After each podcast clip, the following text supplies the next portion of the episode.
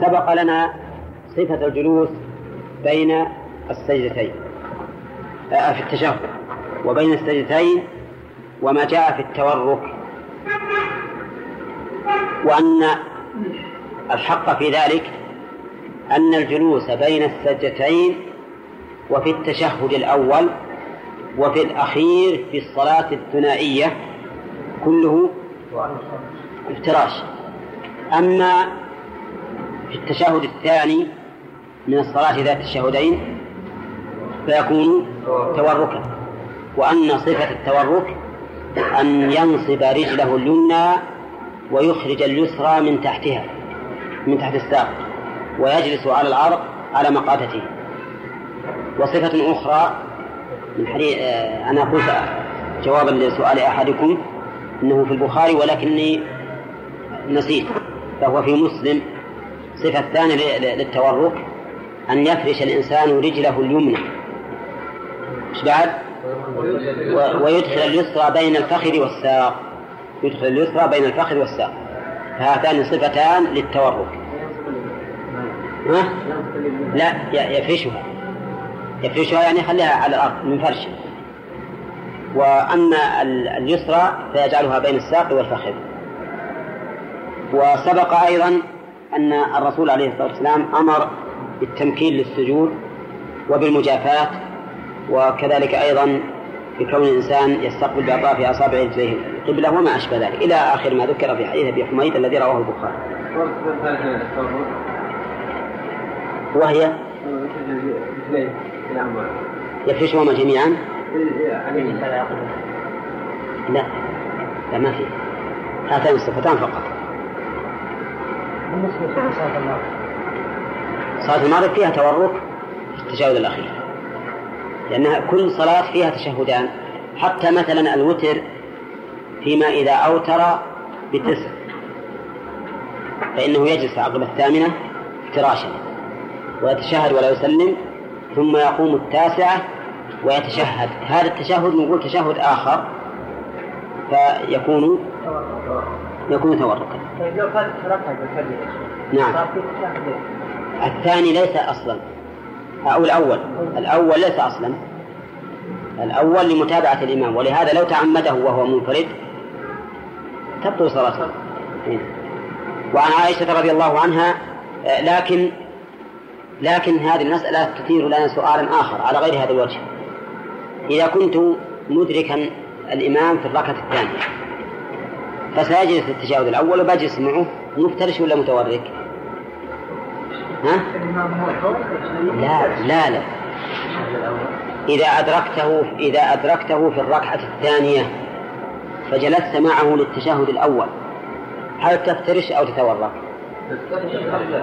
وهو وهو مفترش أيضا في التشهد الأخير هو سوف يتورك فهل تتورك معه أو تفترش؟ ها؟ تفترش؟ طيب ها؟ يعني الحقيقة لو أنك أدركت معه ركعتين لو أدركت معه ركعتين يعني جئته وهو في الركعة الثالثة وأدركت معه ركعتين فجلس للتشهد الأخير هو فهو بالنسبة لك تشهد أول لا لا شك أنك. أنك تفترش تفترش لأن هذا التشهد افتراش في حقك. لكن المثال الذي ذكرت أنا إذا أدركته في الركعة الأولى في الثانية أقصد فإنه سيجلس ستجلس معه مرتين. ستجلس معه مرتين. أولى التشهد الأول وفي التشهد الأخير. فهل تتورك في الثاني؟ أو نقول إن التورك إنما يكون في جلوس السلام. وهذا بالنسبة لك ليس جلوس سلام. فالأصل أنك تفترش. الأصل أنك تفترش. هذا هو الأقرب عندي أن الإنسان في هذه الحال يفترش ولا يتورك وقد يقول قائل إنه يتورك تبعا للإمام لأن أصل هذا الجلوس أصله من أجل متابعة الإمام فليكن متابعة تامة. في الجلسة وصفتها. لأنه لمجرد لمجرد المتابعة. لكن الأقرب عندي الأول. أنه في هذه الحال يفترش لأنه ليس تشهدا أخيرا له وهو في الحقيقة إذا جلس مع إمامه لم يخرج عن متابعته. لم يخرج عن متابعته. نعم. إذا كنت والإمام تؤمن معه نعم. قلنا يعني الجلوس التورط والفراش في يعني بين أركان الصلاة نعم هذا من الحكمة فيه ما يعني هذه من الحكمة نعم فإذا تورط حقق لا بس هذه أصلا أصلا بارك الله فيك يعني قصدك المأموم هنا. قصدك المأموم هنا هذه بالحقيقة جلسة عارضة ما هي بأصلية في الصلاة هذه عارضة لمجرد المتابعة فقط هي من محل جلوس لك؟ جلسة عارضة فهل نقول إلزم تحقيق المتابعة أصلا ووصفا. ولهذا قلنا إذا كانت الجلسة الأخيرة للإمام هي الجلسة الثانية لك هي هي التشهد الأول لك فلا شك عندي في أن الإنسان يجلس محترشا. هذا ما في إشكال. لكن الإشكال فيما إذا كانت الجلسة لك في الركعة الثالثة وهي مجرد جلسة متابعة. فهل نقول هنا إنك تجلس متوركا أو تجلس مفترشا لأن حقيقة لأن السنة إنما وردت آه، بالتورك في في تشهد يعقبه سلام وهذا ليس تشهدا يعقبه سلام بالنسبة لك هذا عندي أقرب. نعم. لو ينسى انه عاد مسألة النسيان هذا شيء نقول لا نفرضه ولكننا لا نحبذه ويمكن يقع لكن ما نحبذ هذا ينبغي أن يكون الإنسان فطنا ولذلك رأينا من فوائد أن استمنا عدم التمييز في التكبير ورأينا فيه بعض المضرة لكن رأينا فيه فائدة كبيرة وهي أن الإنسان يعتمد على نفسه. يعتمد على نفسه. لكن إذا صار إن الإمام يميز خلاص هذا نعم. وبدأ بس يتابع على على النغمة. نعم. إنما إذا صار ما هناك فرق تبي يفكر. لأن كل واحد يفشل إلى منه يقوم والناس جالسين. يفشل. ما يخالف يقومون ولكن اللي اللي يعتادون الصلاة ما هم يقومون. ما يقوم الإنسان الطارئ. وخلى الطارئ إذا صلى مثله يعني يعرف العادة. وعن عائشة رضي الله عنها قالت كان رسول الله صلى الله عليه وسلم يستفتح الصلاة بالتكبير والقراءة بالحمد لله رب العالمين. يستفتح الصلاة بالتكبير. ما هو التكبير هذا؟ تكبيرة الإحرام أي قول الله أكبر ولا يجزئ استفتاح الصلاة بغيرها لو قال الله أجل الله أعلم ما يصلح. ويستفتح القراءة بالحمد لله رب العالمين. أي بهذه السورة بهذه السورة. ومنها البسملة. وإن لم تعد من آياتها لكنها منها. كل بسملة قبل سورة فإنها تقرأ معها. طيب آه، قوله القراءة. ولا القراءة؟ القراءة. بالنصب لأنه لو قالت والقراءة صارت القراءة أيضا استفتاح للصلاة وليس الأمر كذلك. وإنما يستفتح قراءة الصلاة بالفاتحة يبدأها بالفاتحة فلكل شيء فاتحة ففاتح فاستفتاح الصلاة بالتكبير واستفتاح القراءة شوفوا بالحمد لله رب العالمين بالفاتحة. نعم. أكبر يمد إيش؟ يقولون إن أكبار اسم للطبل الطبل اللي يدف به. تلاقي الله أكبر صار اللي وش معنى الله أكبر؟ صعب الإنسان يبصر شوي. ها؟ يدور غيره كان هو امام يدور غيره. لأن الامام مشكل اقتدابه الإمام اقتدى فلما انك سمعت أن الامام يقول الله أكبر تحسب إن هذا هو المشروع. خصوصا العام اللي ما أدري. كيف يصيبه عاهنا ما أتصور يعني. هو لما كلام قال محمد يقول محمد. ها؟ كذا؟ إيه. يعني ما يقدر يقصرها. يدور. لهجة يدور. ها؟ بعض المناطق كلها عجيب. حاء أقل حام على كل حال ما ندري يعني ما نقدر نحكم على عباد الله. إنما إذا كان هذا طبيعته يدور الانسان يقيم ال- التوحيد ما يضره اللي ما يقدر ما يقدر. لا يكلف الله نفسا إلا وسعها. قال وكان قالت وكان إذا ركع لم يرفع رأسه ولم يصوبه. قوله ولم يصوبه يعني ينزله لأنه قوبل. بقوله لم يرفع رأسه. والشيء يعلم معناه بذكر مقابله مع أن التصويب معروف المعنى حتى وإن لم يذكر مقابله لأنها من صاب يصوب إذا نزل ومنه قوله تعالى أو كصيب من السماء أي كمطر نازل من السماء. لكني أشرت إلى الأول بأن الشيء يعلم معناه بمقارنته بغيره المقابل به لأجل آية ما عرف معناها إلا بمقابلها وهي قوله فانفروا ثبات أو انفروا جميعا. ثبات هذه ما كان الإنسان يعرف من معنى المتفرقين إلا حينما قال أو انفروا جميعا. وإلا كان يصعب على الإنسان فهم كلمة ثبات فلذلك الأشياء تفسر بالمعنى المفهوم في اللغة العربية لذاتها أو بالمعنى بمقارنتها بضدها. ما له معنى لا يقول ما عرف إلا بذكر مقارن ولكن بين ذلك ولكن بين ذلك وش بين؟ بين التصويب والرفع لماذا لم تقل ولكن بين دينك لأن التصويب واحد والرفع واحد هذان اثنان. فلم تشر إليهما بإشارة المثنى. بل قالت ذلك بإشارة المفرد. خالد ال- علمنا؟ فرحان. قد يكون يعني إنه المقصود الرفع آخر ما يرفع عليها. الراء نحن مر علينا قاعدة في الموضوع.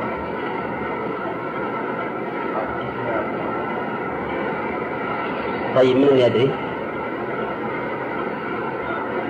قلنا يجوز أن يشار إلى المثنى السابق أو المجموع السابق بما بمعناه المطابق يعني المثنى بصيغة التثنية والجمع بصيغة الجمع.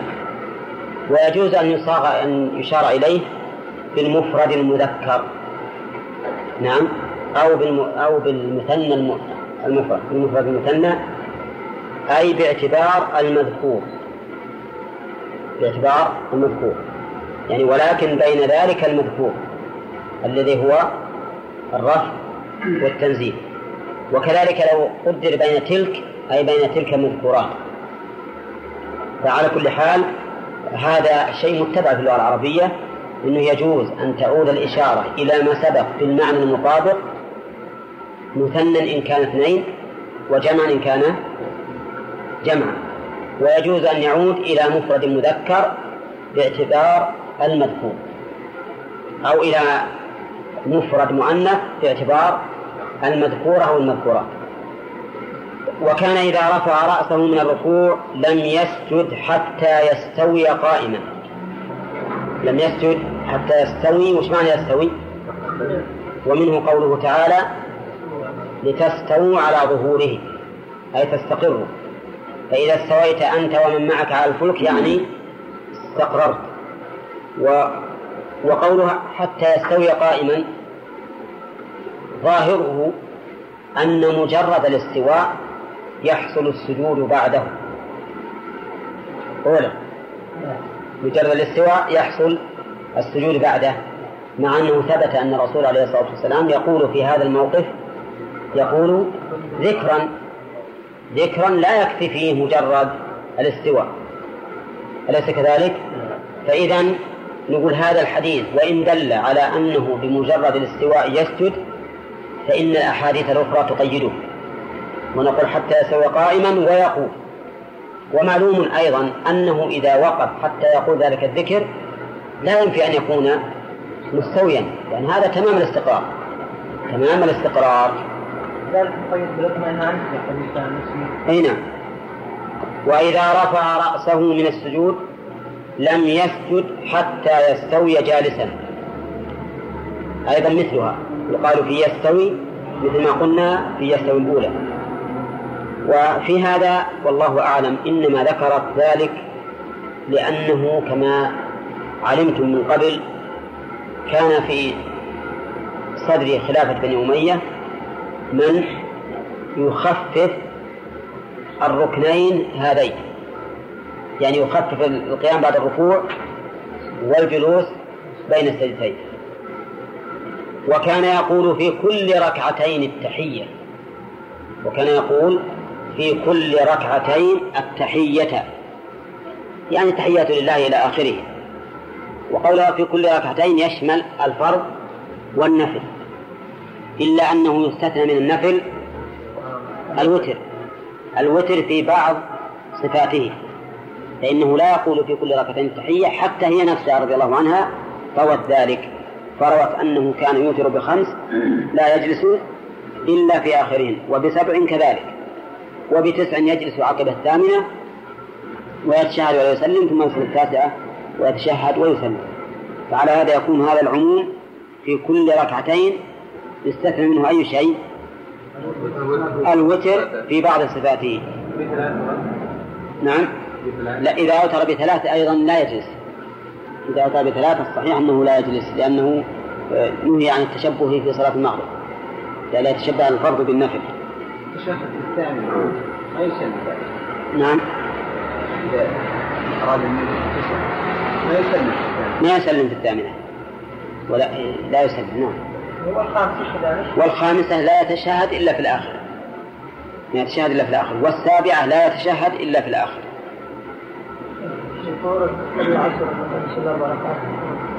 لا, لا. هذه مثل أربع قبل الظهر يعني عائشة. رحم الله امرأ صلى قبل الظهر أربعا وكان يصلي أربع ركعات. المراد به سلمين فهذه الإطلاقات تحمل على المعهود المعروف. نعم. لو صلى خمس ركعات مثلا خمس ركعات مثنى مثنى. يعني قصدك بالوتر؟ نعم. الوتر. الظاهر إنه يجوز لكنه خلاف خلاف السنة. السنة أن يجعل الخمس جميعا. وإلا صلي ركعتين ركعتين ركعتين ركعتين ركعتين وينوي بهم قيام الليل. أو ينوي بركعتين الأولى قيام الليل وبالركعة الثانية وبركعتين الثانيات ينوي بهن الوتر ويكون أوتر بثلاث إنما إذا أراد أن يوتر بخمس فإننا نأمره أن يصليها سردا. نعم. شلون؟ لا. كان يوتر بإحدى عشر. لا. إحدى عشر ركعة ركعتين ركعتين. نعم.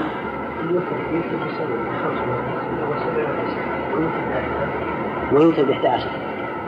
يعني ما بعد التسع إلا 11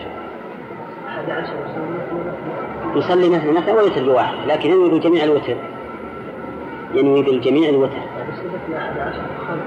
إي نعم تخالف التسع والسبع والخمسة وكان يقول نعم وكان يفرش رجله اليسرى وينصب رجله اليمنى. يفرش رجله اليسرى وينصب رجله اليمنى وظاهر الحديث أنه في جميع قاعدات الصلاة. يفرش اليمنى واليسرى وينصب اليمنى. وشلون يفرش اليسرى وينصب اليمنى؟ الأخ اللي جنبك خالد؟ أي اللي جنبك. وشلون يفرش اليسرى وينصب اليمنى؟ أي أي نعم. أي يفرشها على ظهرها ويجلس عليه. طيب زين صحيح. آه، في جميع ظاهر الحديث أن ذلك في جميع قاعدات الصلاة. أولى ولكن دلت السنة على أنه يستثنى من هذا العموم أو من هذا الإطلاق. شو استثنى؟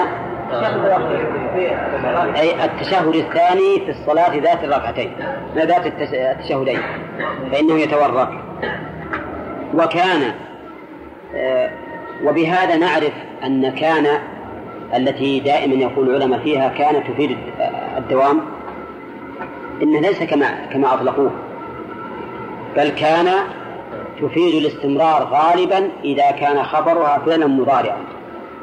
إذا كان خبرها فعلا مضارعا فهي تفيد الاستمرار, الاستمرار غالبا مو دائما. وكان ينهى عن عقبة الشيطان. ينهى عن عقبة الشيطان. ما هي عقبة الشيطان؟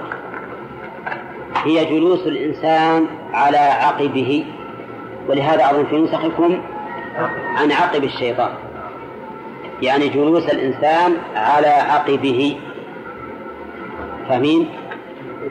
أو لا؟ جلوس الإنسان على عقبه كيف عد جلوس الإنسان على عقبه؟ اختلف فيها الناس هل المراد جلوسه على عقبه مع نصب القدمين أو مع فرشهما أو أن يجلس على أليته ملاصقة لعقبيه. فعندنا الآن ثلاث صفات خليكم معنا. الصفة الأولى يجلس على عقبيه ناصبا قدميه. هكذا. هكذا. الصفة الثانية يجلس على عقبيه فارشا قدميه. يخليه يفترشا أنا عاد ما أقدر. نعم. ويجلس على عقبيه. والصفة الثالثة أن يجلس هكذا يعتمد على عقبيه يخلي ليته على الأرض و... ويعتمد على على يديه. هذا الإقعاء يعني فسره بعضهم بعقب الشيطان بالإقعاء الذي سيأتي. أو بهذا أو بهذا. أما المشهور من مذهب الحنابلة فإنه يشمل الصفات الثلاث في كل قاعدة. يعني منهي عن عن الصفات الثلاث في كل قاعدة من قاعدات الصلاة. فاهمين؟ يعني في الجلوس بين السجدتين والتشهد الأول والثاني. و ولكن بعض العلماء ومنهم الشافعية في مذهبهم أن الصفة الثانية التي هي الجلوس على العقبين مع نصب القدمين أنه لا ينهى عنها في الجلوس بين السجدتين. في الجلوس بين السجدتين خاصة يقول هي من السنة. ولكن الافتراش مع ذلك هم يعني مقرون بأن الافتراش أكثر. الافتراش الأحاديث فيه أكثر وأثبت. نعم. وليس فيه إثبات إثبات الإقعاء المذكور إلا حديث ابن عباس. حينما قال له طاووس إننا نرى ذلك من الجفاء فقال سنة نبيك. تصورتم الموضوع ولا لا؟ صار عقب الشيطان يفسر بثلاثة أوجه. عند الحنابلة كلها مكروهة في جميع جلسات الصلاة. ويستثنى عند الشافعية صفة واحدة بالنسبة للجلوس بين السجدتين فقط وهي أن يجلس على عقبيه ناصبا قدميه فعندهم أن ذلك من السنة كما أن من السنة الافتراش ويرون أيضا أن الافتراش أرجح لأنه أكثر أكثر رواية عن النبي صلى الله عليه وسلم فإنه جاء في في حديث أبي حميد الذي قاله في حضور عشرة من أصحاب النبي عليه الصلاة والسلام وكلهم وافقوه على ذلك. أما هذا فليس فيه إلا حديث ابن عباس رضي الله عنهما على أنه من الممكن أن يقال إن حديث ابن عباس لعله من الصفات التي نسخت. ولكن ابن عباس ظن أنه باق مثل ما فعل ابن مسعود تماما في إيش؟ في التطبيق حال الركوع. فإنه رضي الله عنه يراه هو السنة لأنه جهل الناسخ جهل الناسخ على كل حال الإمام أحمد رحمه الله سئل عن هذا الإقعاء الذي وصفنا لكم فقال لا أفعله ولا أعيب على من فعله. قال لا أفعله ولا أعيب على من فعله. وهذه طريقة الإمام أحمد غالبا في الأمور التي تكون فيها السنة راجحة ولكن فيه سنة مرجوحة. الغالب عنده رحمه الله أنه يفضل السنة الراجحة ولا يعيب السنة المرجوحة فهو يرى هذا الرأي رأيه الخاص. ورأي الإمام الخاص غير رأي المذهب لأنه قيل مذهب أحمد فالمراد المذهب الاصطلاحي الذي هو على حسب أتباعه. أحيانا يكون مذهبه الاصطلاحي يخالف مذهبه الشخصي يخالفه مخالفة صريحة ظاهرة. ولهذا أمثلة ليس على موضع ذكرها. نعم. نعم. الشيطان على يعني إنه يداخل بعضهم بعض. يمكن أن أن تدخل في هذا لأنه في الحقيقة جالس على العقل. لأن ما ذكرت جالس على العقل فقد تدخل في هذا أيضا. يعني قد تدخل فيما إذا ضم آه، القدمين بعضهم إلى بعض ثم صار البارز الذي يلي المقعدة العقبان فإنها تدخل في هذا الحديث. نعم. نعم. شلون؟ لا لا في الصلاة فقط. الصلاة فقط. وكان ينهى أن يفترش الرجل ذراعيه افتراش السبع. متى هذا؟ في حال السجود. يفرش ذراعيه افتراش السبع. وش السبع؟ الكلب. الكلب. فإن الكلب من السباع لأنه يأكل فهو سبع. وإنما قال افتراش السبع زيادة في التنفير عن هذه الفعلة. زيادة في التنفير. لأن كل إنسان لو قيل له يا شبيه الكلب وش أسوي فيك لو تقول يا شبيه الكلب؟ ها؟ سنمسك حلقك ولا لا؟ ما يسكت إنك تقول يا شبيه الكلب وخليك تروح فالرسول عليه الصلاة والسلام قال آه، فراش السبع لأن هي تحكي نهي الرسول أن يفترش الرجل ذراعيه افتراش السبع إنما قال ذلك لأجل أن المبالغة في التنفير من هذا العمل. وكان يختم الصلاة بالتسليم رواه أحمد ومسلم وأبو داود. قولها بالتسليم يختم الصلاة بالتسليم. يستفاد منه أن التسليم من الصلاة وليس إطلاقا من محذور من محظور كما قاله بعضهم. بعض العلماء قال إن التسليم ليس من الصلاة ولكنه إطلاق من محظور. وش معنى إطلاق من محظور؟ يعني لما كان يحضر عليك الكلام الآن تقول السلام عليكم كأنك أطلقت نفسك من هذا الذي كان محظورا عليك في الصلاة. وبنوا على هذا أن الإنسان إذا أتى بمناف للصلاة أي مناف يكون؟ فإنه يغني عن التسليم. حتى جعلوا الضرطة مغنية عن التسليم. لكن هذا لا شك أنه قول لا قيمة له. قول يقال ليتبين به أن الإنسان ليس بمعصوم بل نقول إن التسليم من الصلاة. لحديث عائشة يختم الصلاة بالتسليم فجعلتها منها لأن ختام الشيء منه. ثم الحديث الذي في السنن تحريمها التكبير وتحليلها التسليم.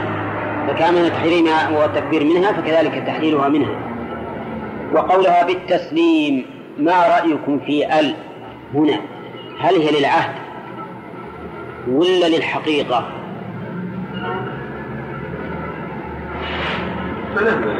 نعم. المفروض انكم تدرون عن معناها لأنها دائما ترد علينا. ها؟ نعم. أن تقول العهد أحد يقول الحقيقة لا يا خالد لا. لا تفر بعد الكف لا معنى الحقيقة. إيه؟ أنه كان داخل فيه لا لا لا كلام عن التسليم وهذا أنه من الصلاة المناية هل نقول بالتسليم هل لبيان الحقيقة أو أنها للعهد طيب قل لي أنت. لأن قولك للعهد يعني لا للحقيقة. للحقيقة نعم. إذا أما المعهود المعهود السلام عليكم لا التسليم معناه السلام عليكم. لأن تكون الحقيقة مش بنيت على إيه لا. تكون اي لأن التسليم كنا نعرف. معنى التسليم يعني قول السلام عليكم. مثل التكبير وقول الله أكبر. نعم. الحقيقة. اي طيب إن قلنا للحقيقة صدق ذلك بسلام واحد. لأن الإنسان إذا قال السلام عليكم يقال سلم. ولا لا؟ وإذا قلنا للعهد فإنه يحمل على المعهود في تسليم الرسول عليه الصلاة والسلام والثابت عنه أنه يسلم تسليمتين على اليمين وعلى اليسار. فأيهما الآن تقولون؟ للعهد أين؟ نعم.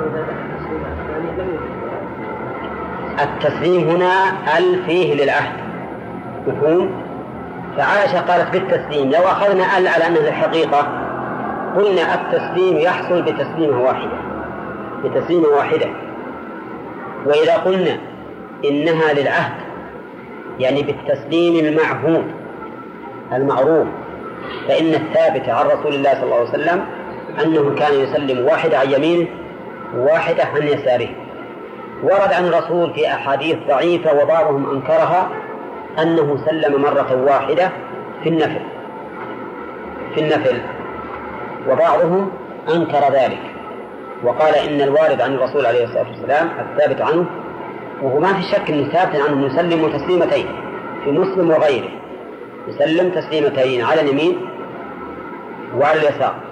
وقال إنما كان يكفي أحدكم أن يقول عن يمينه وعن, وعن يساره السلام عليكم ورحمة الله. السلام عليكم ورحمة الله. فقال إنما كان يكفي أحدكم أن يقول. السلام. فجعل التسليمتين لا بد منهما ولا كفاية بدونهم. فإذا نقول ال في قوله التسليم للعهد. لا للحقيقة ويبين صالح عبد الله الدامر الفرق بينهم. لأن الظاهر أنه حاط عيونه فيه ولكنه قلب السالح نعم طيب. الحقيقة؟ نعم. معنى هذا أنه يكفي تسليم النوار وراء لأن حقيقة السلام هو قول السلام. عليكم ويحصل بواحد. تمام. لكن قلنا أنها للعهد بينا أنه حمل. حمل على المعهود من الرسول صلى الله عليه وسلم. وهي تسليمتان وهي جيد ما شاء الله. لا تمام. أنا توهمت في ظني به. نعم. الالتفات ها؟ لا يبي يجينا بحث آخر. الكلام على أنه يختم الصلاة بالتسليم. ما في ما في الحديث التفات ولا شيء. نعم. هل يسقط ها؟ إذا أتى وهو سلم التسليم شلون شلون؟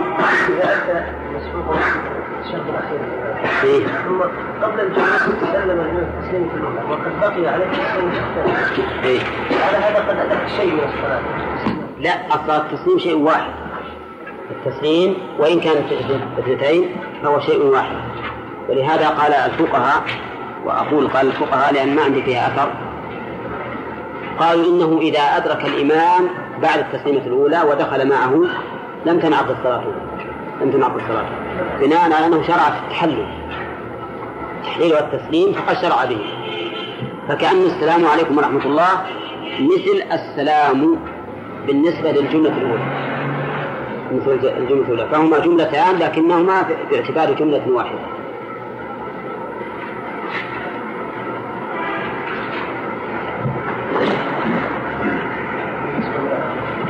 نعم. الركوع أي نعم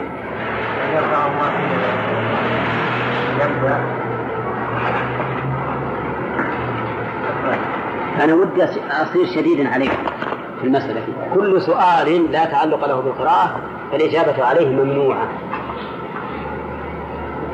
وين هو؟ إذا ركع إذا ركع ما قال رفع يديه ما قال رفع يديه ولا شيء. كيفية الركوع؟ كيفية الركوع هذا رفع اليدين وهو الركوع. تسأل عن رفع اليدين. لا. لا ما أنا أعتقد لا صلة له ولا جواب عليه. لكن إن شاء الله نجيب بعد انتهاء الدرس إن شاء الله تعالى. نعم. ها؟ كقوله وكان يقول نعم. فإذا جلس جلس على رجل اليسار خدمة هذا طيب وكان ينصب رجل اليمنى ويفرش اليسرى. هذا عام يعني ما ماذا قلنا يا إخواني في هذه الجملة؟ الأخ عبد الله يقعد يكتب؟ هم يطالبنا بشيء ما حط رجله لا أنا أريد هذا طيب وش تقولون؟ وش قلنا؟ قلنا هذا العموم مخصوص بالأحاديث الدالة على التفريق. نعم يعني هي تحكي عن فعل الرسول عليه الصلاة والسلام. وفعل النبي عليه الصلاة والسلام. يثبت من قولها مما روت ومما رواه غيرها. فإذا جاءت السنة في التفريق بين التشهدين وجب أن يحمل هذا العموم على الخصوص. قالوا في كل يعني كل في كل صلاه يختلف بعد السلام. شلون؟ في كل جهد بعد السلام. إيه؟ ما يؤيد لا هذا يؤيد من قال إن جلسات الصلاة كلها افتراش. نحن سبق لنا سبق أن قلنا إن بعض العلماء يقول التورك في كل سلام يعقبه في كل تشهد يعقبه سلام وإن لم يكن ثانيا. أو جميع جلسات الصلاة افتراش حتى في التشهد الثاني من ذات التشهدين. أو التفريق. بين الصلاة ذات التشهدين والصلاة ذات التشهد الواحد. فالصلاة ذات التشهد الواحد جميع جلساتها افتراش وذات التشهدين التشهد الثاني منهما تورك وهذا هو الذي تقتضيه لي يقولهم يقول في كل توقف بعد السلام ما يعني الصفات الأخيرة عموم حديث عائشة هذا اللي قصدك اللي يقول تورك ولا افتراش؟ لا إذا قالوا في كل كل يعني بعد السلام إي نعم. فما هو حديث ابن حويس إي نعم حديث أبي حميد ما مثل ما قلنا لكم قلنا إن الجملة الثانية فيه مبنيه على الجملة الأولى. الجملة الثانية مبنية على الجملة الأولى. هم يرون إن الجملة الثانية منعزله ويرون كل تشهد بعده سلام فهو حويس ورد في حديث في حديث عبد الله بن الزبير اللي أشرنا إليه اللي في مسلم. بانه يجلس على مقالته ويفرش الرجل اليمنى ويخرج الثانية من بين ساقه وفخذه. عاد ما تتبعته يمكن يوجد في حديث أخرى. يلا إسماعيل سمعنا بسم الله الرحمن الرحيم قال رحمه الله تعالى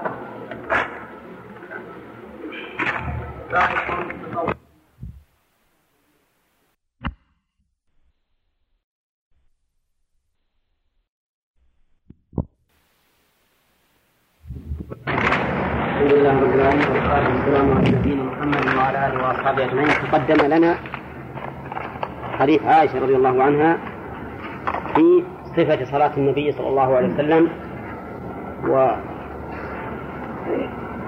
والشاهد من الحديث كيفية الجلوس كيفية جلوس النبي صلى الله عليه وسلم في صلاته. وأن الذي تجتمع فيه الأدلة سويل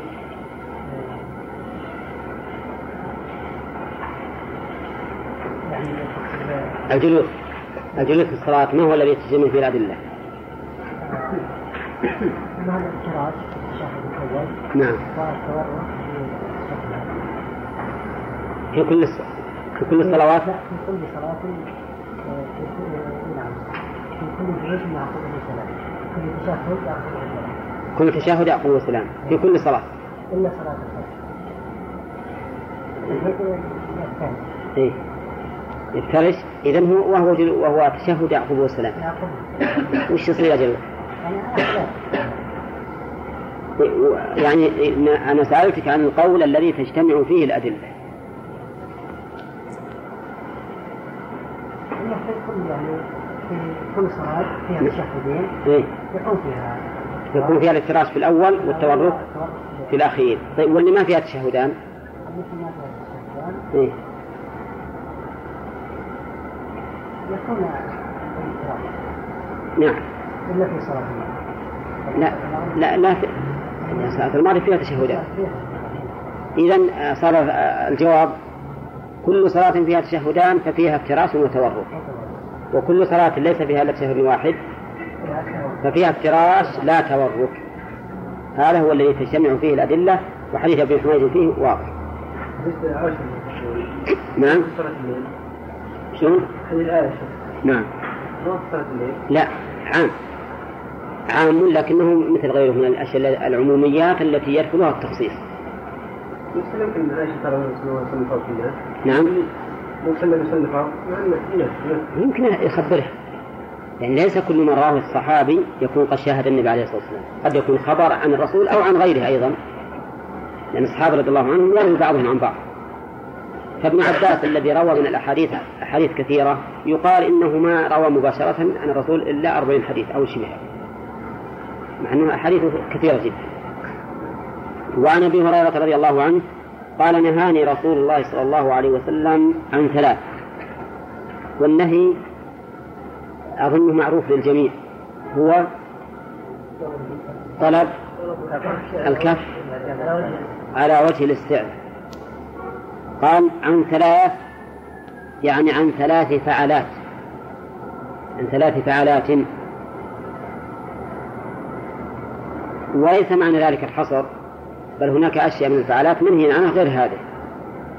عن نقرة كنقرة الديك. نقرة الديك ينقر هكذا ثم يرفع بسرعة. ويكون ذلك في حال الركوع وفي حال السجود. يهوي ثم يرفع قريبا. يهوي للسجود ثم يرفع قريبا. وأقربها للمشابهة بنقرة الديك السجود ولا الركوع؟ السجود لأنه يباشر الأرض كنقرة الديك ولكن الركوع أيضا فيه شبه منه. وعن إقعاء كإقعاء الكلب. إقعاء كإقعاء الكلب. هل أنتم الآن تتصورون إقعاء الكلب؟ يجلس شو عليه؟ على الأرض. يجلس بمقعدته على الأرض. ويمد يديه يوقفه نعم. هو لا. ها؟ ورجليه يوقفهن؟ إيه. وقف رجليه. ولهذا الصحيح أن الايقاع الذي كايقاع الكلب هو هذا. يجلس الإنسان على عقبيه وينصب فخذيه وساقيه ويعتمد بيديه على الأرض. يعتمد بيديه على الأرض. طيب والثالث التفات كالتفات الثعلب. الثعلب يسمى عندنا نعم. صحيح أبا الحصين. هل هو يكثر الالتفات ولا لا؟ إي نعم يكثر الالتفات وغالبا بسرعة لكنه يكثر الالتفات. فنهى النبي عليه الصلاة والسلام عن هذه الأشياء الثلاثة ثم إن قرنها بفعل هذه البهائم الغرض منه زيادة التنفير زيادة التنفير لأن الله تعالى كرم بني آدم على البهائم. فلا ينبغي الإنسان أن يدلي نفسه حتى يتشبه بالبهائم لا سيما في أعظم مقاماته وهو الصلاة وهو الصلاة. وآخر شيخ الإسلام من هذا الحديث كما سيأتي إن شاء الله فائدة مهمة نذكرها فيما بعد. قوله نهى هل هذا النهي يقتضي التحريم أو يقتضي الكراهة؟ نقول الأصل في النهي التحريم لكن مع ذلك هو مشترك بين الكراهة وبين التحريم حسب ما تقتضيه الأدلة. فنأتي على هذه الثلاث الفعالات ونشوف نفصلها. النقرة كنقرة الديك النهي فيها لا شك أنه للتحريم لأن نقرة كنقرة الديك تنافي الطمأنينة تسل بها. وقد قال النبي صلى الله عليه وسلم للرجل الذي لا يطمئن إنك لم تصلي. فعلى هذا أن نقرأ كنقرأ الديك نقول هذه حرام لأنها تفوت الطمأنينة في الصلاة. نأتي إلى قوله إقعاء كإقعاء الكلب. ظاهر النهي التحريم. ظاهر النهي التحريم وإليه ذهب بعض أهل العلم. قال ولا سيما أن الرسول عليه الصلاة والسلام قارنه بالكلب. وعلى هذا فالإقعاء يكون حراما. وجمهور العلماء على أن النهي فيه للكراهة. ولا ولكن لا أدري ما, ما هو السبب الذي أوجب لهم إخراجه عن التحريم لا سيما وأنه قرن بفعل الكلب. والكلب من أخبث الحيوانات إن لم يكن أخبثها ولذلك نجاسته لا يكفي فيها إلا سبع غسلات تحتها بالتراب. بينما الخنزير يكفي فيه غسلة واحدة. إذا إذا إذا أزالت عين النجاسة. فالحاصل أننا لا ندري ما هو السبب الذي أوجب لجمهور أهل العلم أن يخرجوا النهي عن التحريم إلى الكراهة. اللهم إلا أن يستدلوا بعمومات القعد أو جلس في الصلاة ويقول هذا جلوس فيكتفى به. لكن هذا فيه نظر. نعم. إلا. لكن الإقعاء مو بقع الكلب. الإقعاء اللي بين السجتين ليس كإقعاء الكلب لأن معناه نصب القدمين والجلوس على العقبين. وقال ابن عباس إن هذا هو السنة وسبق الكلام فيه. لكن الايقاع المذكور ما أحد من أهل العلم قال إنه مشروع أبدا. لا من الصحابة ولا من التابعين ولا من بعدهم. قد أجمعوا على كراهته والنهي عنه لكنهم اختلفوا هل هو للتحريم أو للكراهة. وإذا نظرنا إلى القاعدة التي يجب على الإنسان أن يعمل بها في في آه، طريقة الاستدلال وجدنا أنه يقتضي التحريم. طيب التفات كالتفات الثعلب هل هذا للتحريم أو للكراهة؟ كراهة. للكراهة. وفي التفصيل فيه بعد رأي ثالث لا لا دعني من, من ما نقول فصل لأننا إذا إذا طلبنا التفصيل نطلبه ممن قاله أولا لكن نريد هل هناك قول يقول للتحريم مطلقا؟ ها؟ طيب هذا رأيك يلا يا عبد الله بين لنا ما هو السبب الذي جعلك تحمل النهي للكراهة؟ إيه؟ الصحابة لما الرسول صلى الله عليه وسلم يعني وكان أمه أبو بكر قال تفت الرسول صلى الله عليه وسلم هذا يدل على الكراهة ولم ولم يمنع يا طيب. صحيح. وفي دليل آخر وأبي بكر يوم ها؟ وأبي بكر. طيب. وفي حديث آخر في دليل آخر؟ ثم خلع عليه. صالح؟ النبي صلى الله عليه وسلم كان يصلي وينظر إلى الشيء طيب. أي نعم. وش عندك؟ ثم خلع عن عليه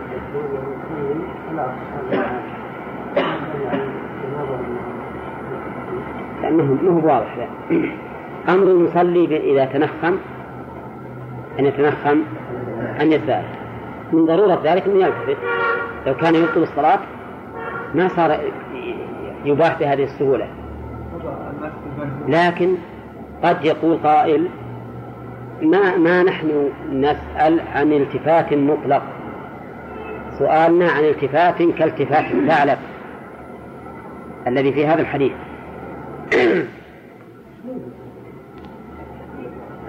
الكثرة والسرعة لأن الكثرة والسرعة تؤدي كأن الإنسان يلعب. كأن الإنسان يلعب. بخلاف من التفت مثلا لحاجة وبهدوء ومرة واحدة بينهم فرق. سؤال عائشة نعم سؤال عائشة رضي الله.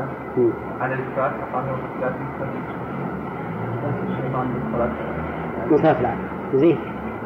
أنا أخشى أن يكون هذا عليك مو لك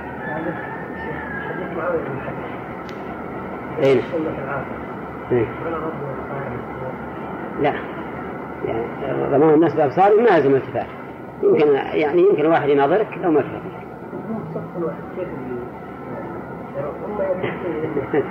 آخر هو يلتفت هو جاهل.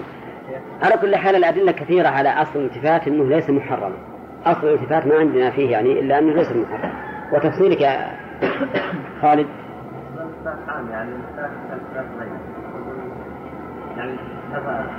فصل اللي بخاطرك. على إن كان ولا حاجة ما فيه إيش؟ ما فيه؟ ما نسأل إحنا عن الجواز بارك الله فيك نسأل عن هذا النهي للتحريم ولا للكراهة؟ هو فيه أنا والآن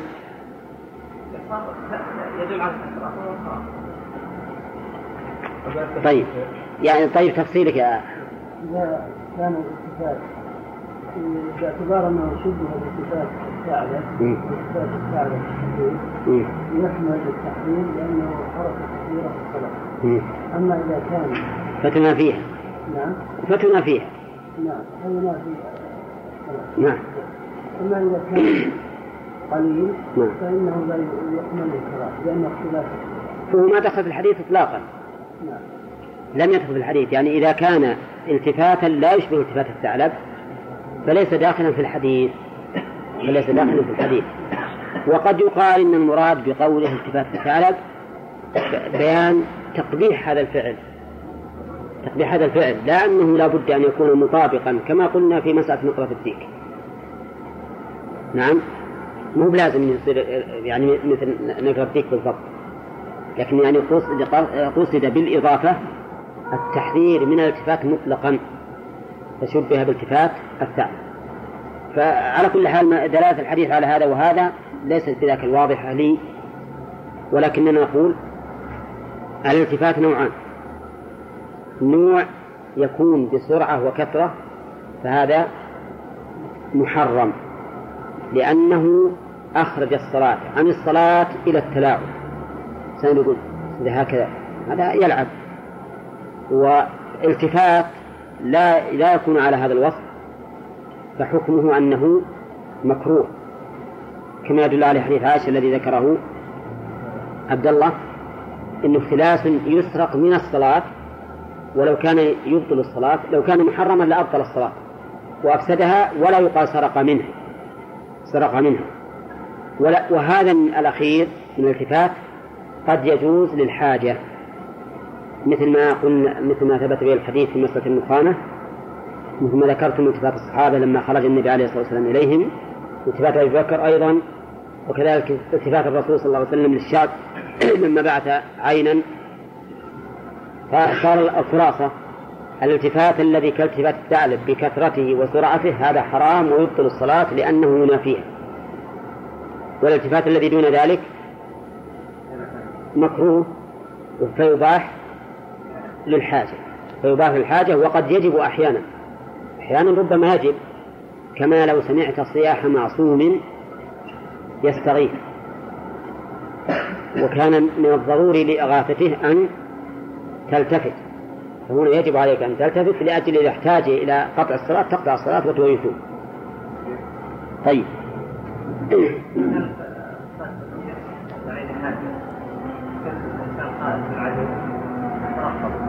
إيه؟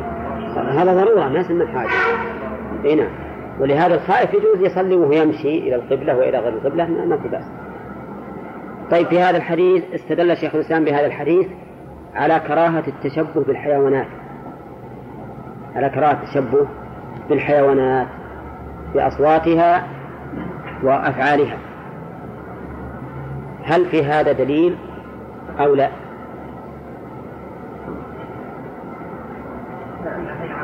إيه؟ بس النهي عام في حال الصلاة مو مو بعام. معلوم في الصلاة مو عام. لأن الالتفات كالتفات الثعلب إلى صلاة ما يصلي بكيف؟ إيه. إيه. نعم. أن نهى عنه لكثير من إيه نعم. يدل على أن يعني شيخ الإسلام نعم استدل بهذا على كراهة التشبه بالحيوانات لكن من أراد أن يتشبه بها, بها للإيضاح مثل يحكي إنسان إنسان يحكي صوت طائر ما يعرفه الحاضرون يقول إنه يقول كذا وكذا أو مثلا الإنسان يعلم صبيه ماذا يقول هل يدخل في هذا أو لا يدخل؟ ها؟ الظاهر إنه اذا إذا وجدت قرينة تدل تخرجه عن تشبه إلى أنه للتفهيم والتعليم فنرجو أن لا يكون به بأس. أما إذا كان الإنسان بينحط بنفسه يجعل نفسه كأنه حيوان فهذا لا شك في كراهته. طيب ما يوجد الآن في الممثلين من يفعل ذلك ها؟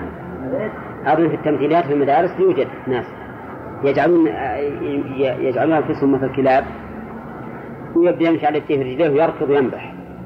نعم؟ إي نعم. أو ما أشبه ذلك. هذا نقول إنه للتحريم أقرب. لأنه ما ينبغي الإنسان أن يتشبه بحيوانات الله تعالى قد كرمه ما هي النتيجة؟ يعني وما هي الفائدة؟ نعم؟ الترويح بغير هذا الشكل. نعم؟ لا. الترويح بغير هذا الشكل يروحون أنفسهم بالمسابقة على الأقدام بالمصارعة. أما هذه الأشياء اللي نعم؟ تسلية الطفل والله ما أدري تسلية الطفل يعطيه شيء آخر يتسلى به. تشبه بالحيوانات ما ينبغي. لكن قلنا على سبيل التعليم عند الحاجة وفي نفس منها شيء لكنها أهون قد يحتاج الإنسان إليه مثلا فإذا احتاج إليه للتعليم أما مسألة التسلية واللعب و... فهذه فيه مسليات اللحم كثيرة وألعاب كثيرة يستعمل نعم؟ ها؟ وين؟ لا شيخ الإسلام يقول كراهة بدون تحريم. بدون تحريم. نعم. لأن الرسول يقول ليس لنا مثل السوء العائد في هبته كالكلب. لكن الرسول يقول ليس لنا مثل السوء لا شك أن هذا المثل الذي ذكره الرسول أنه مثل سوء. كل يكرهه وكل لا يحب أن يتشبه به. إنه يقي ثم يعود في قيئه. نعم. أشد من فعله مرة واحدة. أشد من أو قصدك في الصلاة؟ عام. لا شك أنه أكثر أشد من من فعله مرة واحدة. وربما يؤدي إذا إذا إلى استحلاله. والإنسان إذا استحل المكروه قد يكون حراما. إذا فعله كفعل المستحل المستهين به الذي لا يبالي المهم هذه ثلاثة أشياء نهى عنها الرسول عليه الصلاة والسلام في الصلاة وقد علمنا حكمها. لا لا نبعد شوي عن النقرة كنقرة ذيك إن أنها للتحريم لأي شيء؟ لفوات الطمأنينة. فقال قال كلب الجمهور على أنه مكروه. وذهب بعض العلماء إلى أنه محرم وهو أقرب. الشيء الثالث التفات كالتفات الثعلب وهذا أيضا الجمهور على كراهته. نعم. والذي يظهر أنه للتحريم أو نقول في التفصيل أن إذا كان التفاتا كثيرا متواليا وعلى حسب التفات الثعلب اللي يكون سريع فهذا يقتضي التحريم لأنه يؤدي إلى إلى إبطال الصلاة لمنافاته لها.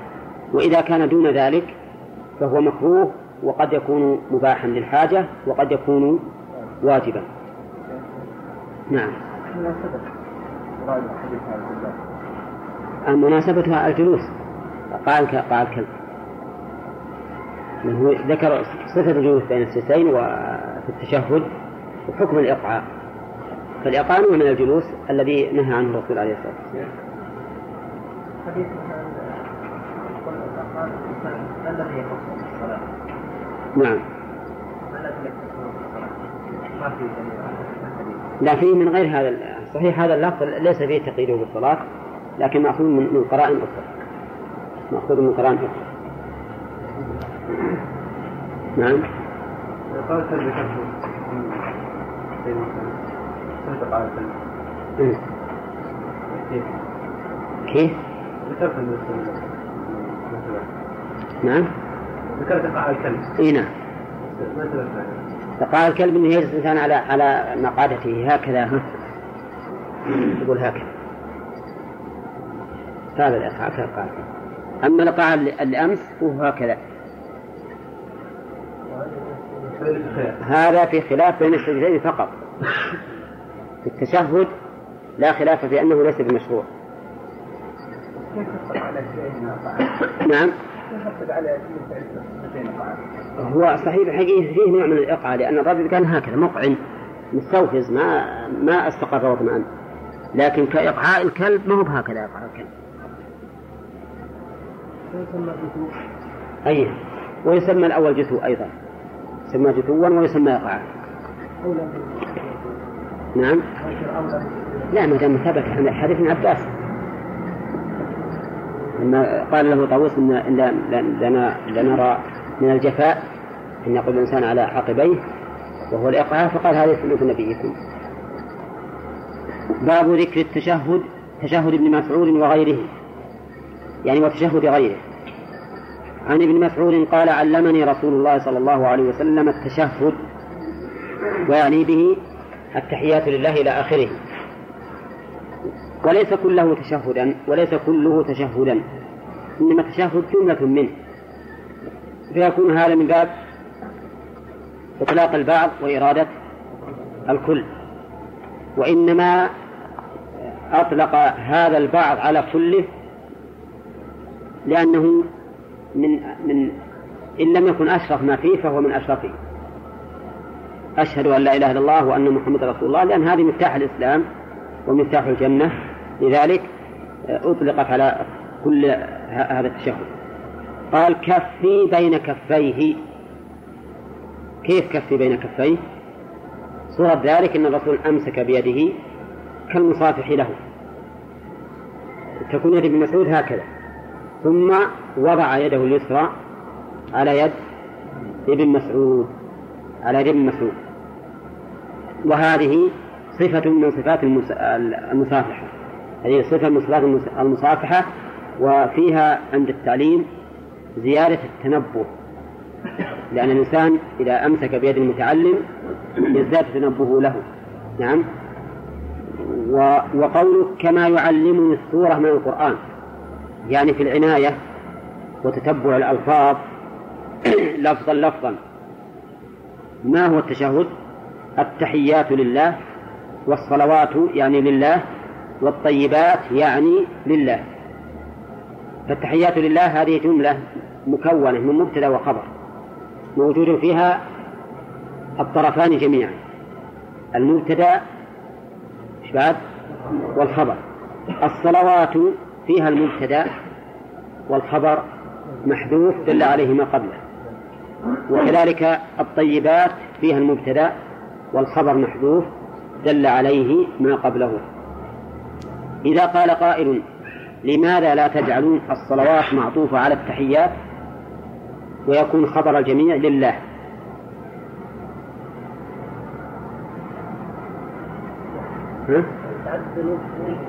يسمى تعد يعني ما هو تعد المبتدأ.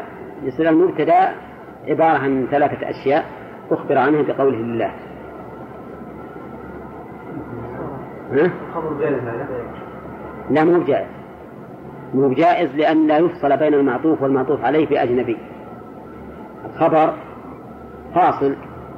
ما يمكن يصير التحيات لله ثم تقول والصلوات. بل يتعين هنا أن نقول الصلوات مبتدأ وخبر محذوف والطيبات مبتدأ وخبر محذوف. نعم كلمة والطيبات يجوز أن تجعلها معطوفة على الصلوات وتقدر الخبر بعدهما فتقول والصلوات والطيبات لله. هذا يجوز. آه، سبق لنا معنى التحيات ومعنى الصلوات ومعنى الطيبات. أولى ما تقدم لنا معناه زين. من قال نعم؟ يلا. وش معنى التحيات؟ نعم. جميع الألفاظ الدالة على التعظيم والبقاء فهي لله. زين. الصلوات.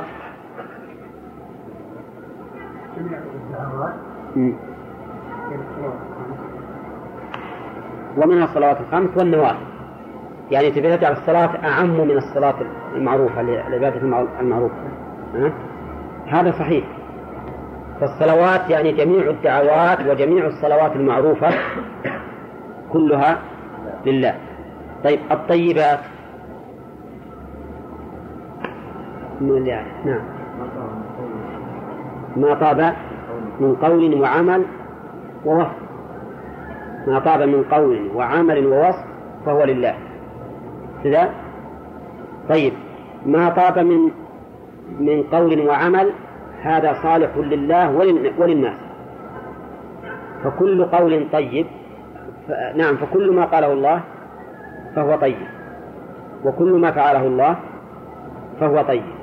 وكل قول للإنسان طيب فهو لله ومقبول. وكل عمل طيب من الآدم فهو لله ومقبول. إن الله طيب لا يقبل إلا طيبا الوصف. الوصف هذا لله. كل وصف طيب فهو لله. كل وصف طيب فهو لله. إذا الطيبات من الأوصاف والأقوال والأفعال كلها لله سبحانه وتعالى. نعم. وصف يعني طيب يعني إيه نعم. لا الآدمي يمكن يصير طيب لكن الطيب المطلق لله وحده. مثل ما أن السمع لله والبصر لله والملك لله مع أن الإنسان قد يكون له من هذه الأمور شيء لكن لا ينافي الطيب المطلق. الطيب المطلق لله عز وجل. السلام عليك أيها النبي ورحمة الله وبركاته. أيضا تقدم لنا وش معنى السلام عليك؟ ولا لا؟ ها؟ من قال نعم قلنا أنه هذا ليس لا لا هو الخطاب السلام عليك وش معنى السلام عليك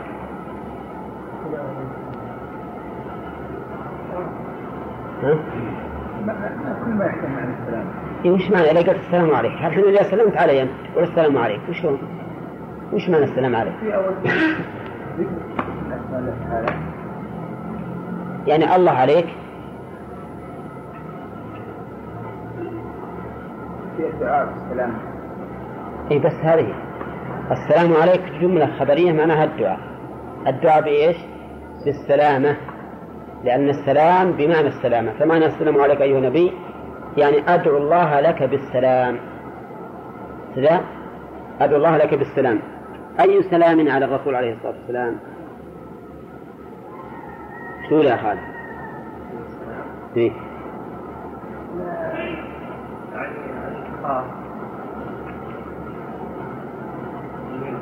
إيه؟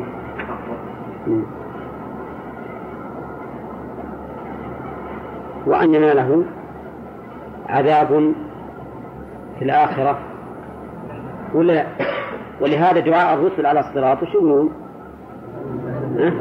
اللهم سلم سلم اي نعم طيب كذلك أنا أرى أنه أيضا المعنى أوسع من ذلك إنك تدعو للسلام بالسلام على الرسول وعلى شريعته وسنته. وعلى شريعته وسنته وينبغي أن نستحضر هذا المعنى. نستحضر السلام عليك يعني عليك أيها النبي شخصيا وعلى شريعتك وسنتك. كما قلنا في قوله تعالى إن شانئك هو الأبتر يعني مبغضك هو الأبتر. ونقول ليس هذا لمن أبغض شخص الرسول فقط وكذلك من أبغض سنته وشريعته فهو أبتر. واضح؟ طيب رحمة الله وبركاته. هذه تختص بالرسول عليه الصلاة والسلام. والسلام علينا وعلى عباد الله الصالحين. نقول في السلام علينا مثل ما قلنا في السلام على الرسول صلى الله عليه وسلم. لكن قولنا علينا. يا سامي منهم. عندما تقول السلام علينا من تعني؟ ها؟ علينا أيها المسلمون من هذه الأمة ولا علينا أيها المصلون إذا كنت في جماعة؟ ها؟ ولا علينا على أهلنا؟ يعني عدات عن الأول عدات عن كون علينا أيها المؤمنون من أمة محمد ها؟ ما تقولون ها؟ على المؤمنين جميعا من هذه الأمة من هذه الأمة هذا أعم لا شك يبقى غير هذه الأمة يذكرون في قوله وعلى عباد الله الصالحين فإنه يشمل كل عبد صالح في السماء والأرض كما ثبت عن الرسول صلى الله عليه وسلم. أشهد أن لا إله إلا الله وأن محمد وأشهد أن محمدا عبده ورسوله. أيضا مر علينا معناه وش هو يا محمود؟ أقول ذلك. يعني نعم. يعني كان يقول أتيقن أعلم بيقين أن لا إله إلا الله. يقينا كالمشاهد. كأني أشهد به. أولا. ها؟ طيب وش معنى لا إله إلا الله؟ وش معنى لا إله إلا الله؟ صالح؟ الإله جملتين النفي والإثبات لا جملة واحدة متضمنة للنفي والإثبات. هي جملة واحدة متضمنة للنفي والإثبات. وش معنى لا إله إلا الله؟ وش معنى نفي وإثبات؟ فانت جميع ما يعبد من دون الله وإن الله أثبت زين تنفي وجوده ولا حقيقيته. حقيقيته. تنفي حقيقيته. لأن الإله بمعنى المعبود لا بمعنى القادر على الاختراع كما يفسره الفلاسفة. لأن معنى القادر على الاختراع معناها معنى الرب معنى الرب. معناها معنى الرب. ولو كان لا إله إلا الله معناه لا رب إلا الله هل ينكرها المشركون ولا لا؟ ما ينكرون. لكن معنى الإله المعبود. يعني لا أحد يعبد بحق إلا الله فمعنى ذلك إبطال عبادة هذه الأصنام. وهذا هو الذي أنكره المشركون. هذا هو الذي أنكره المشركون. طيب أليسوا يسمون أصنامهم آلهة؟ ولكن مجرد أسماء مثل ما قال الله إن هي إلا أسماء سميتموها والأسماء لا تغير الشيء عن حقيقته. أظن لو أننا سمينا الحجر حديدا ما صار حديدا. ولو سمينا البيضة خبزة ما صارت خبزة. إذا تسميتها بآلهة أي معبودة لا يعطي ذلك أنها تستحق العبادة وأنها إله حق. ولهذا قال الله عز وجل ذلك بأن الله هو الحق وأن ما يدعون من دونه الباطل. وفي آية أخرى هو الباطل. بضمير الفصل الدال على الحصر. طيب أشهد أن محمدا عبده ورسوله. نقول في أشهد مثل ما قلنا في أشهد الأولى. أي أعلم علما يقينيا كأنني أشاهد ذلك بعيني. نعم. محمدا هو ابن عبد الله القرشي الهاشمي صلى الله عليه وسلم عبده عبد الله ورسوله. أرسله إلى جميع الناس عليه الصلاة والسلام بشيرا ونذيرا وداعي الله بإذنه وسراجا منيرا.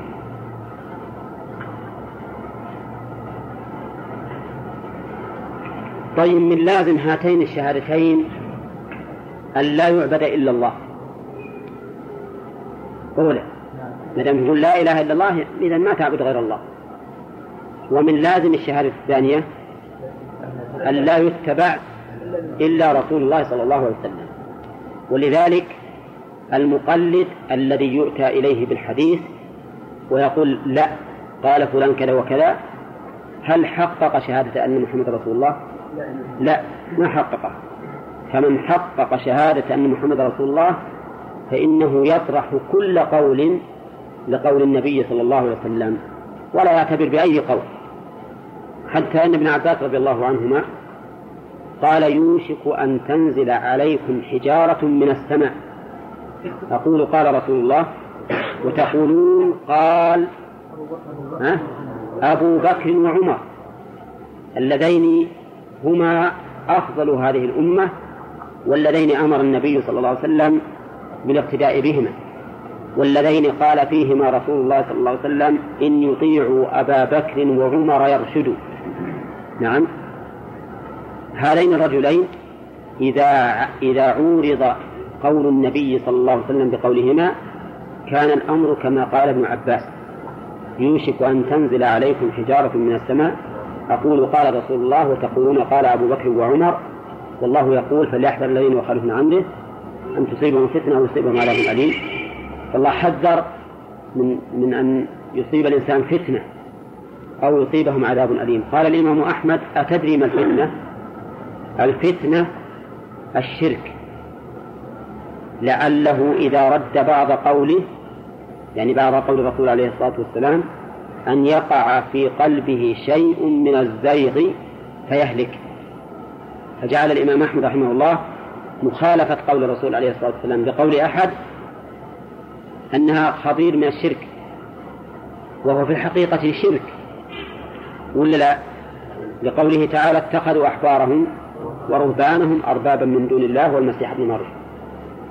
على كل حال من تحقيق شهادة أن محمد رسول الله ألا يتبع إلا الرسول عليه الصلاة والسلام. ومن تحقيقها أيضا اجتناب البدع.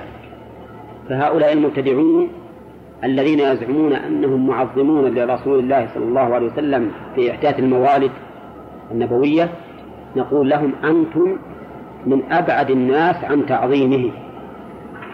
لو كان لو كنتم معظمين له حقا لاتبعتم شريعته وتمسكتم بها.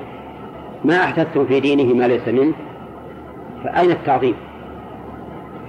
آه ومما ابتدعه الناس أنهم إذا قالوا في هذا الكلام وأشهد أن محمد عبده ورسوله وأشهد أن سيدنا نسمع من بعض العامة.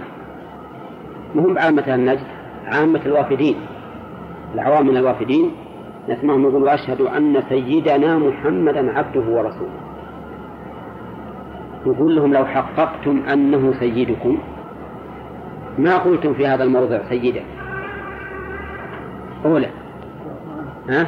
لأن السيد هو الشريف المطاع. والرسول يقول لابن عباس لابن مسعود علم الناس هذا التشهد وفيه وأشهد أن محمدا عبده ولم يقل أن سيدنا. فأنتم حينما زدتم في كلام الرسول سيدنا خرجتم عما وجهكم إليه فأين السيادة؟ نعم. ففعلهم هذا يناقض يناقض الحقيقة. لأن معنى كونه سيدا أن نجعله سيدا متبوعا لا لا أن نجعله تابعا وأن نفرض على سنته ما ليس منها واضح؟ إذا فمن تحقيق شهادة أن محمد رسول الله وصدق الاتباع له ألا نبتدع في دينه ما ليس منه. لا قولا ولا فعلا. وبهذا نعرف خطأ هؤلاء المبتدعين في دين الله ما ليس منه الذين يزعمون أنهم ناصرون لشريعة الرسول عليه الصلاة والسلام وهم في الحقيقة قاصمون لها لا ناصرون لها. نعم. ها؟ أفضل ما ورد عن الرسول أفضل ما يوصف ما يدعى للرسول ويوصف به ما ورد من قوله. ما خلف هذا خبر؟ لكن ما قال اجعلوها في صلاتكم علي أو في سلامكم علي. ولما سئل كيف نصلي عليك؟ قال قولوا اللهم صل على محمد وعلى آل محمد كما صليت على إبراهيم. ولا قال اللهم صل على سيدنا. أنا أسمع بالراديو بعض الأحيان أغنية يشيلونه. اللهم سيدنا اللهم صل على سيدنا محمد وعلى آل سيدنا محمد كما صليت على آل سيدنا إبراهيم وما أشبه ذلك. كل هذه من الأمور عليكم السلام. كل هذه من الأمور الحقيقة المبتدعة التي ينهى عنها ويقال يا أخي رويدك. في الشريعة ما هو خير من ذلك؟ وإذا كنت صادقا في شهادة محمد رسول الله فلا تعمل هذه الأعمال. هنا ها؟ الحديث هذا. وعند قال أنت قاتل الحديث الأول يناقض الشيطان. وش لها؟ بين النص على في هذه الصفه؟ لأن هو يقع عند العرب هكذا اختار البخاري وغيره